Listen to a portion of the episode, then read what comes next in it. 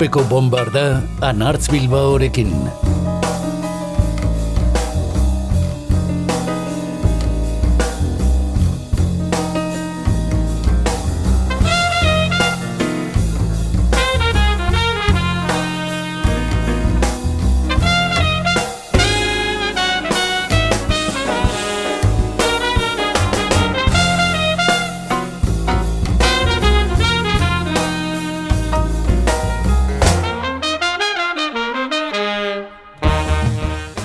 Urpeko bombardan gaur, aspaldiko kantuak eta kontuak izango ditugu. The Teddy Bears, The Ragthose Brothers, The Ronettes, The Crystals, Ben E. King, Ike and Tina Turner, Leonard Cohen, The Beatles, George Harrison, Ramones, Star Sailor eta Wreck Lowe's taldeen kantu banarekin.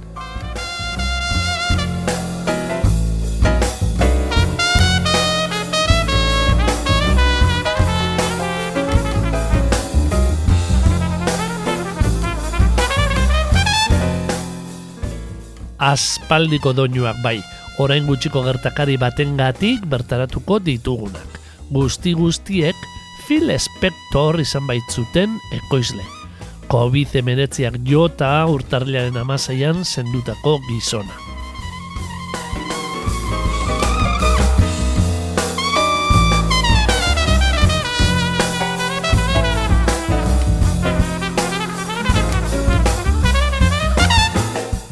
Soinu ormanen sortzaile legez irurogeiko amarkadan zona handia lortutako espektor, kartzelan zendu zen.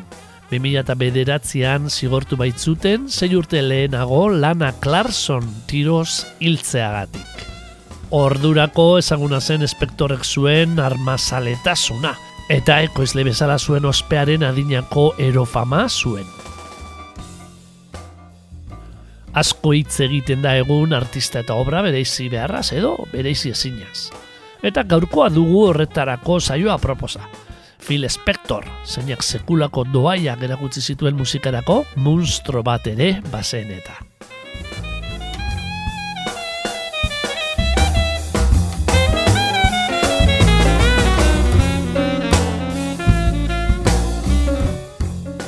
Lan ugari idatzi eta koiztu zituen Phil Spectorrek, baina beti berdinak aipatu hori dira, hain dira ezagunak. Beraz entzule, Spectoren lan ikarrakastatzuena ondo ezagutzen badituzu, ez dizugu ezer berririk kuineratuko gaurkoan. Eta hobe duzu urpeko bombardaren lehen saioa entzun, esaterako. Munduaren bida doan deitu genuena. Gutxien entzun dena izan arren sekulako kantuak ditueta gainontzean ongi etorri gaurko dantzaldira.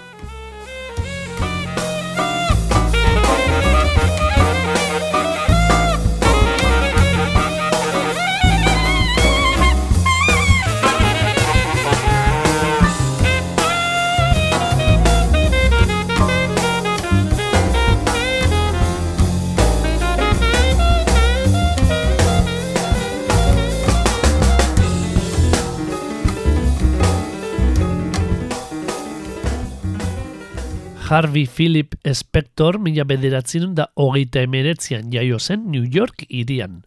Jatorri Ukraniarreko familia judutar batean. Amar urte baino ez zituenean aitak buruaz beste egin zuen, eta handik gutxira Kaliforniako Los Angeles irira toki aldatu zen amarekin batera. Spector gazteak agudo lortu zuen arrakasta Ameriketako estatu batuetan mila bederatzireun da berrogeita mazortzian, The Teddy Boys sortu eta gitarra joz, musika zerrendako gailurrean paratu baitzuen To Know Him is To Love Him. Horixe jartzen zuen, ezagutzea maitatzea da, aitaren hilarrian, eta bertatik hartu zuen lehen arrakastarako izenburua espektor nerabeak,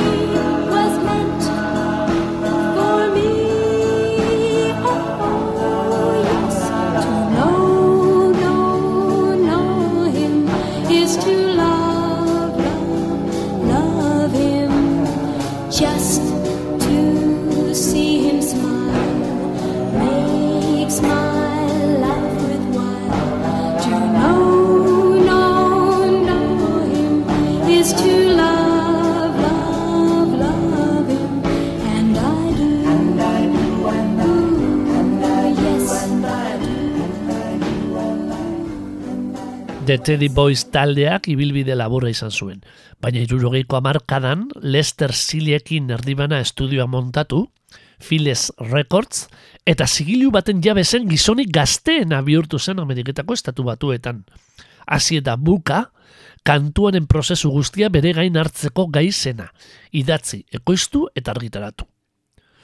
Gerosiago Ben E. Kingen ahotzean entzungo dugun Spanish Harlem, esate baterako, emenetzi urte baino ez zituela idatzi zuen. Singelaren garaiak ziren, eta emakume hotz taldeekin lan eginez nabarmendu zen Phil Spector. Jarraian entzungai izango ditugun de Crystals edo de Ronetzekin berbarako. Aurretik baina, You've Lost That Loving Feeling entzungo dugu. Unchainet melodirekin batera, The Ritheus Brothersen kanturik entzutetzuena. You never close your eyes anymore when I kiss your lips. And there's no tenderness like before in your fingertips. You're trying hard not to show it. But baby,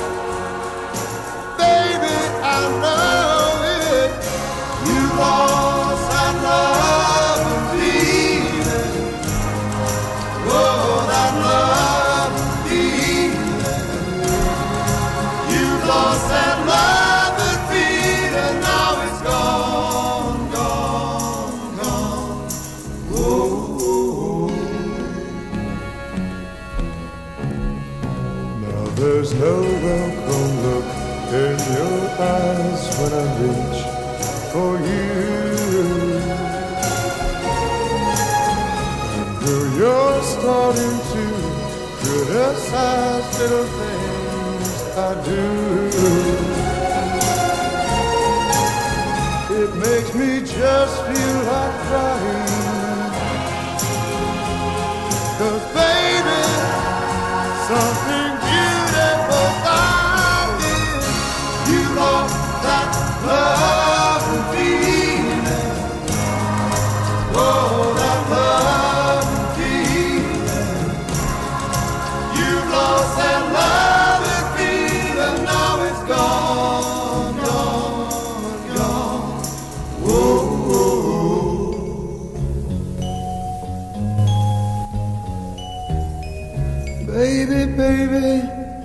I'd get down on my knees for you.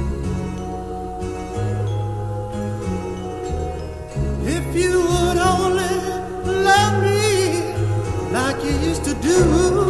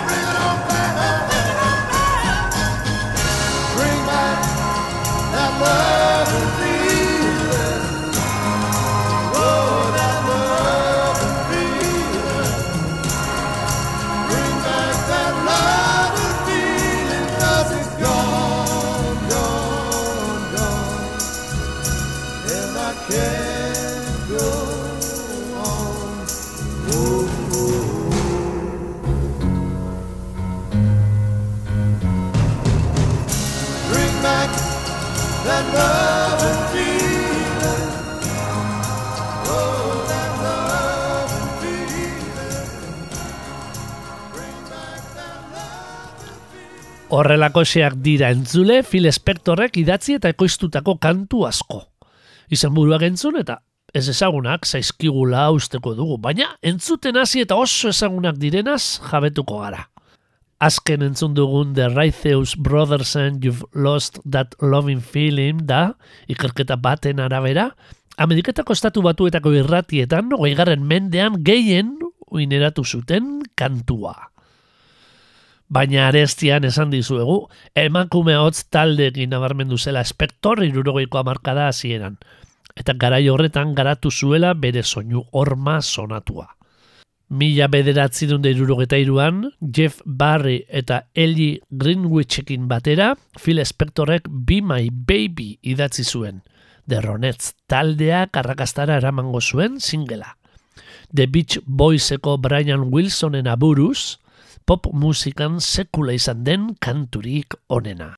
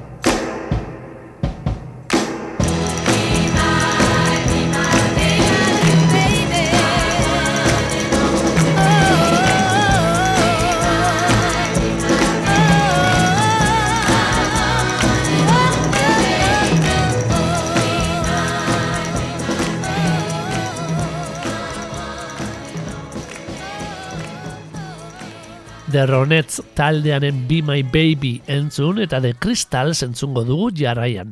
Phil Spectorek irurogeiko amarkadan ekoiztu zituen emakume talde nagusiak. The Ronettes taldeko abeslari nagusi zen Veronica Bennetekin eskondu ere egin zen. Phil Spectorek musika tresna guztiak eta hainbat gehiago grabatzen nahi zituen pista berean gain jarrita. Sarritan konponketa orkestral eta guzti. Oi hartzun handiko emaitza lortze aldera. Kantuek mailukada baten efektua izan zezaten. Horra soinu horma famatua. Batzuen ustez, The Crystalsen da du rom rom when he walked me home kantua gailur duena.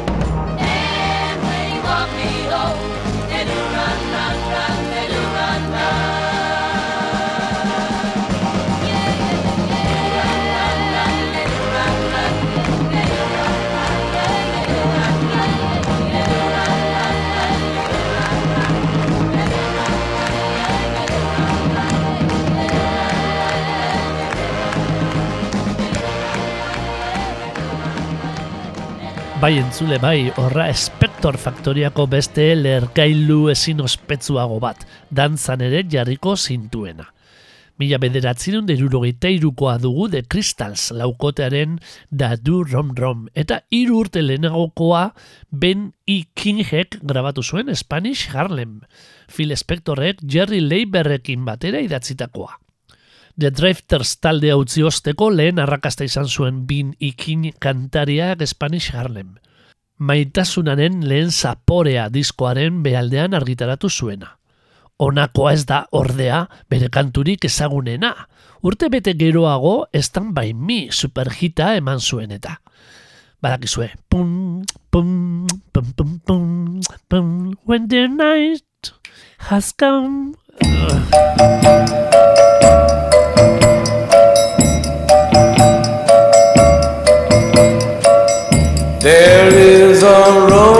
Spanish Harlem,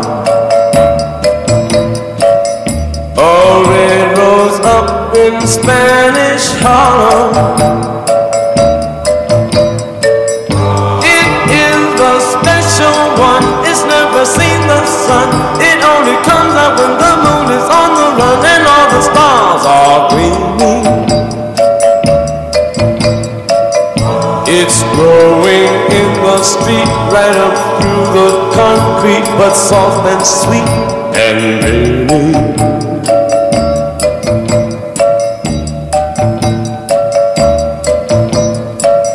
There is a rose in Spanish Harlem, a red rose up in Spanish Harlem.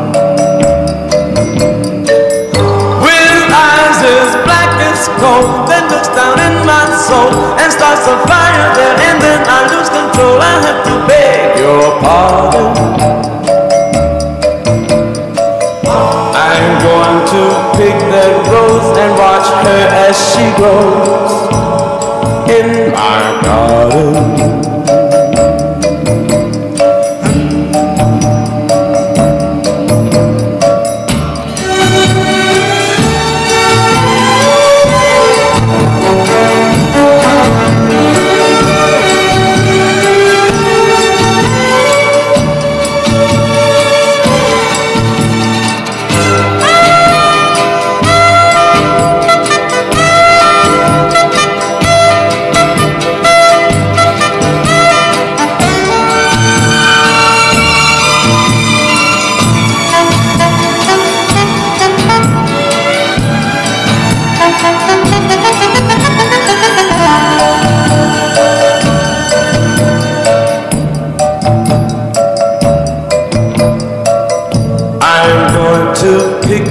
rose and watch her as she grows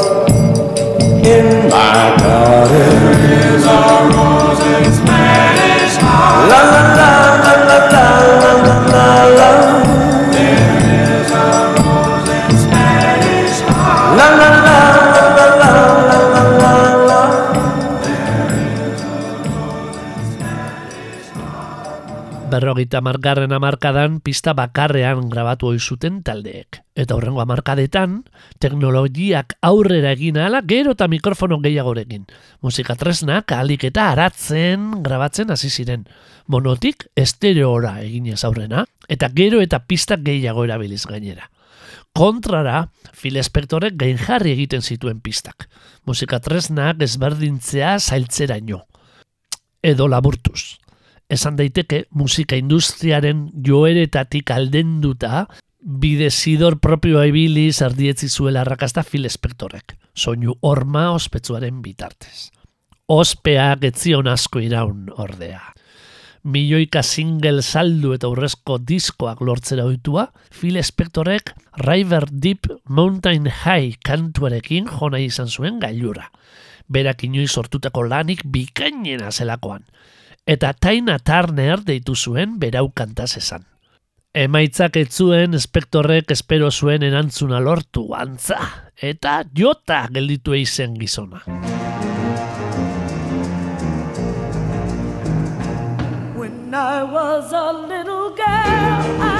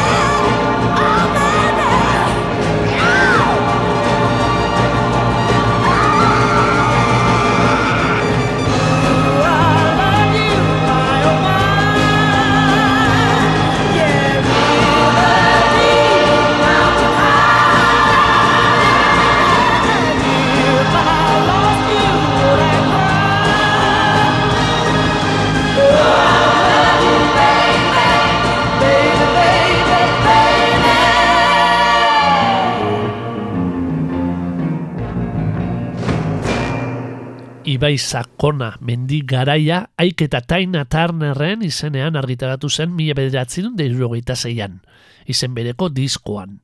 Phil Spectorek Aik Turnerri estudiotik agerre zedin dirua eman bazion ere. Hau da, kantuarekin zerikusirik izan ez esan ordaindu bazion ere. Bi maltratatzaile elkarren arteko tratuak adosten. Baina kantuak funtzionatu zuen, Europan arrakasta handia izan baitzuen. Gerora gainera makina bat berrirakurketa izan ditu, izan Meat Love eta Deep Purple, zein The Supremes eta Eric Bardon and the Animalsen ahotzetan. Baina Ameriketako estatu batuetan ez zuen arretarik bere ganatu. Eta Spector musika mundutik aldentzea eragin zuen honek. Gainera, musika industriak ere aldaketa garaiak bizi zituen eta singleak pixua galtzen ari ziren LPN mesedetan, lan luzeen mesedetan. Honek ere, seguruenera, eragingo zion ekoizle sonatuari.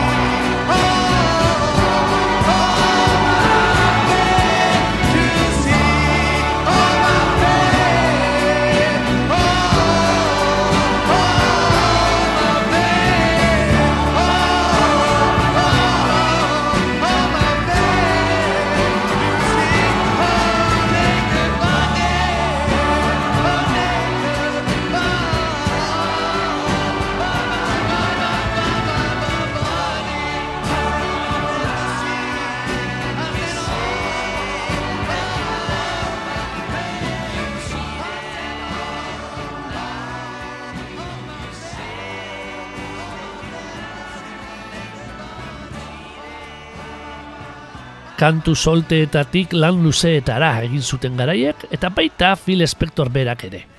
Entzun berri dugun Leonard Cohen, The Beatles, edo Ramonesen lan bana ekoiztu baitzuen irurogeita mar larogeiko amarkadetan. Kanadiar bardoaren kasuan, Phil Spectorek Death of Ladies Man albuma ekoiztu zion mila bederatzen irurogeita mazazpian. Leonard Cohenen estudioko bosgarren lana. Eta baita ikamika eragin ere zaleen artean. Phil Spectorek Leonard Coheni ahotzak grabatu zitzala eskatu eta gainontzean ez zedila estudiotik agertu agindu zion. Eta ordura arte kanadiarraren lanak minimalista xamarrak bat ziren, ahotza protagonista nagusi zutela, soinu ormanen asmatzaileak konponketa orkestra lanpurutzuz bildu zuen bardoaren ahotza. Entzun dugun memoriz kantuan berbarako. Zazpi urte lehenago ere, mila bederatzen hunde marrean, antzera gertatu zitzaion The Beatles taldearekin ere. Laukoteak bosgarren Beatle ere deitua zen George Martin zuen oiko ekoizle.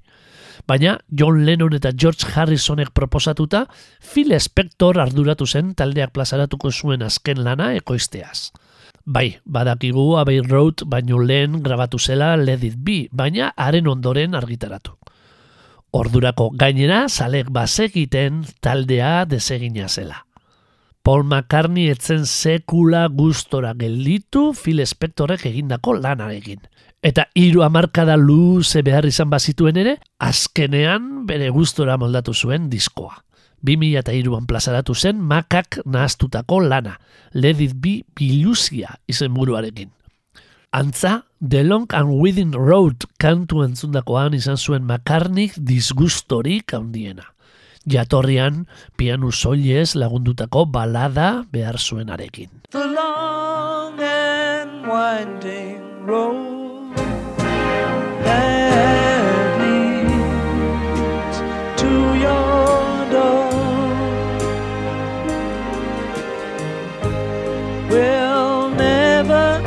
disappear.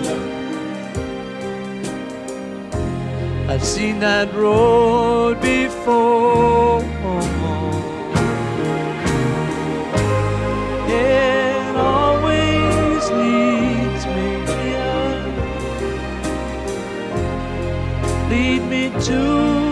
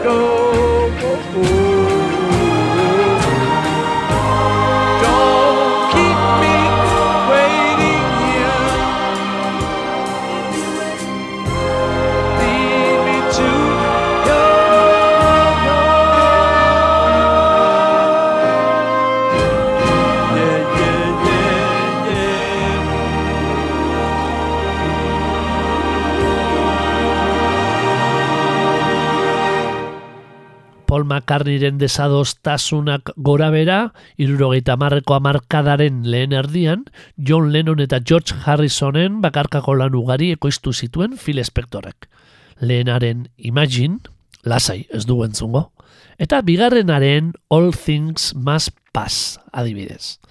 Harrison gitarra jolearen bakarkako hirugarren lana zen All Things Must Pass, disko irukoitza. The Beatles banatu zen urte berean plazaratua, mila bederatzi dut marrean. Arrakasta handia lortu zuen. What is Life, zein My Sweet Lord, singleik nabarmenenak zituen lanak. Ekialdeko espiritualitateak erakarrita, Harrisonek Krishna jainko hinduari eskaini omen My Sweet Lord. Muturreko sinesmenen kontrakoa iden kantua. Eta otoitz kristau judutar eta hinduistak nahazten dituena.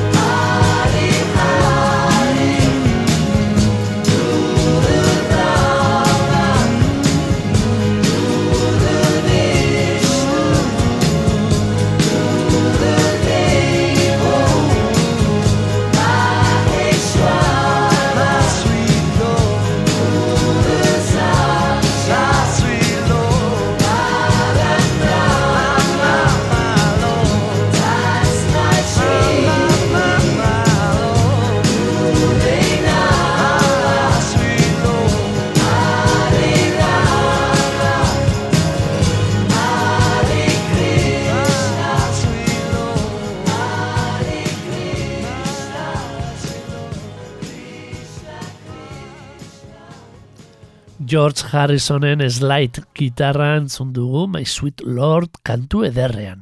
Eta bukaera hurbil Ramones entzungo dugu jarraian. New Yorkeko punk laukoteak End of a Century plazaratu zuen mila bederatziun laro gehian. Hain justu Ronettes taldearen bertzio bat jasotzen duena, Baby I Love You. Eta Do You Remember Rock and Roll Radio ezagunak irekitzen duena. Phil Spectorrek ekoiztutako diskoa. Rock and rollaren kondeiretan ezaguna da Phil Spectorrek orduak eta orduak izan zituela taldekideak estudioan kantu bera joz. Eta Ramoneseko kideak naskatuta alde egiteko asmoa agertu zutenean pistola batez mehatxatu zituela Spectorrek. Beste horren beste kontatzen da The Beatleseko kideekin eta Leonard Cohenekin izandako harreman eta harreman gatazkatzuez ere. John Lennonen disko bat grabatzen ari zirela, estudioko zabaia tiros josiei zuen eroaldi batean espektorak. Eta zarre bizian, hil behar banauzu, hil nazazu, baina ez nazazu gortu bota izion Lennonek. Kanadiarrari ere, bezarkada bat ematen zion bitartean pistola jarria izion buruan. Maite zaitut Leonard, esaten zion bitartean. Koenek, izuak jota, ala espero dut fil, ala espero dut, erantzun izion, pentsa. This is rock and roll radio. Come on, let's rock and roll with the Ramones.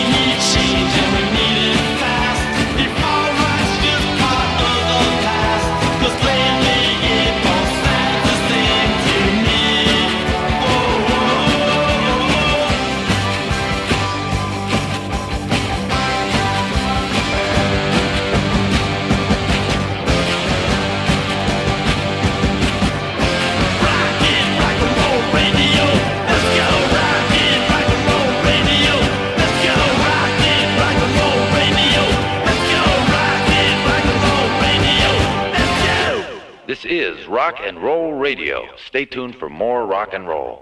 Phil Spector haotan hartuta, armenganako miresmen jasanezina du, adieraziei zuen gerora Leonarkoenek. Edo zen kasutan eta arestian aipatu bezala, rock and rollaren kondaira beltza elikatzen duten gertakariak dira hauek. Begira Phil Spector, zeinen estentrikoa zen! Gora ipatzeko ere kontatuak. Ekoizle bezala bere mitoa elikatzeko nolabait. Sortzaileak emaitza goren alortzeko estutu balitu bazela. Arik eta Lana Clarkson erail arte.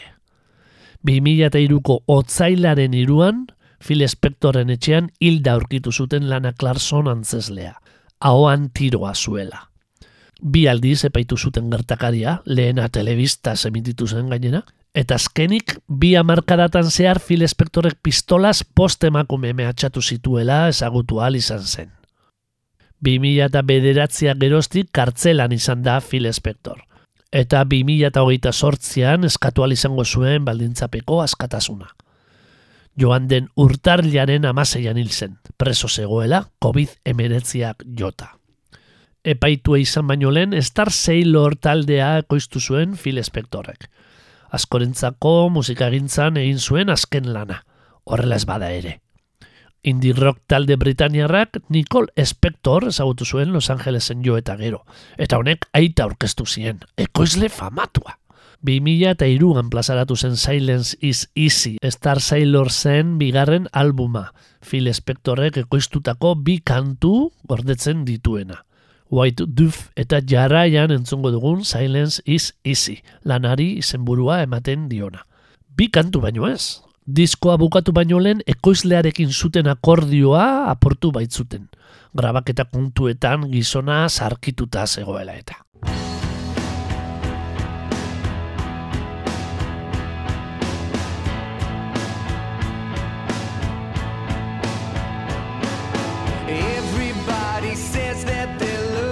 Looking for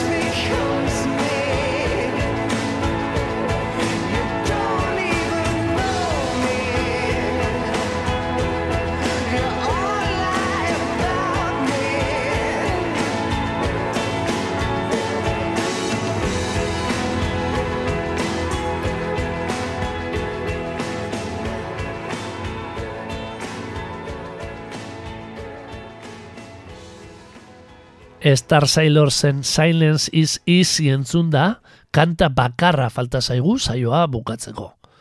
Gaur, Phil Spectorri monografikoa eskainita, talentu handiko ekoizlea eta hiltzaile misoginoa ezagutu gura izan ditugu. Batek ez baitu besteak entzen. Hau da, ondo dago artista eta obra bereizten jakitea, baina kontuz. Kantu zoragarriak idatzi izanak ezaitu ezinbestean pertsona zoragarria egiten eta monstro hori gankarrena ere izan daiteke sortzaile fina. Zareak Phil Spectoren azken ekoizpen lanak Star Sailor taldearentzako eginak direla dio. Handik gutxira giltzaperatu baitzuten gizona.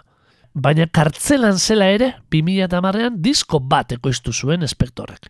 Rachel Sort, bere laugarren eta azken emaztearena.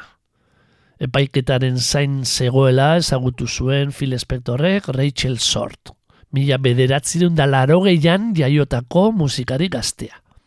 Eta bi mila eta zeian eskondu ziren. Baita hamar urte geroago dibortziatu ere, ekoizleak presondegitik ala eskatuta. Mila bederatzerun da hogeita meretzian jaio zen Phil Spector, eta mila bederatzerun da laro gehian, gerora Rachel Spector bihurtuko zena. Banaketaren aurretik baina, bi mila eta hamarrean, Out of My Shell diskoa ekoitzi zion. Emaztearen izenarekin hitz jokoa eginez edo, ez da? Nire zigatik kanpo. Plataformetan ez, baina YouTubeen baduzue aipagai dugun laneko single nagusia. Here in my heart. Norbait egentzu nahiko balu. Gure aldetik beste kantu bat hautatu dugu agur esateko. Berak ekoiztu ezarren Phil Spector gai duen abestia. Asko dira, eh? Phil Spector Daydream, Free Phil Spector, Faster Phil Spector Kill Kill, Phil Spector Spectres, Phil Spector Gets His Gun Out, eta beste.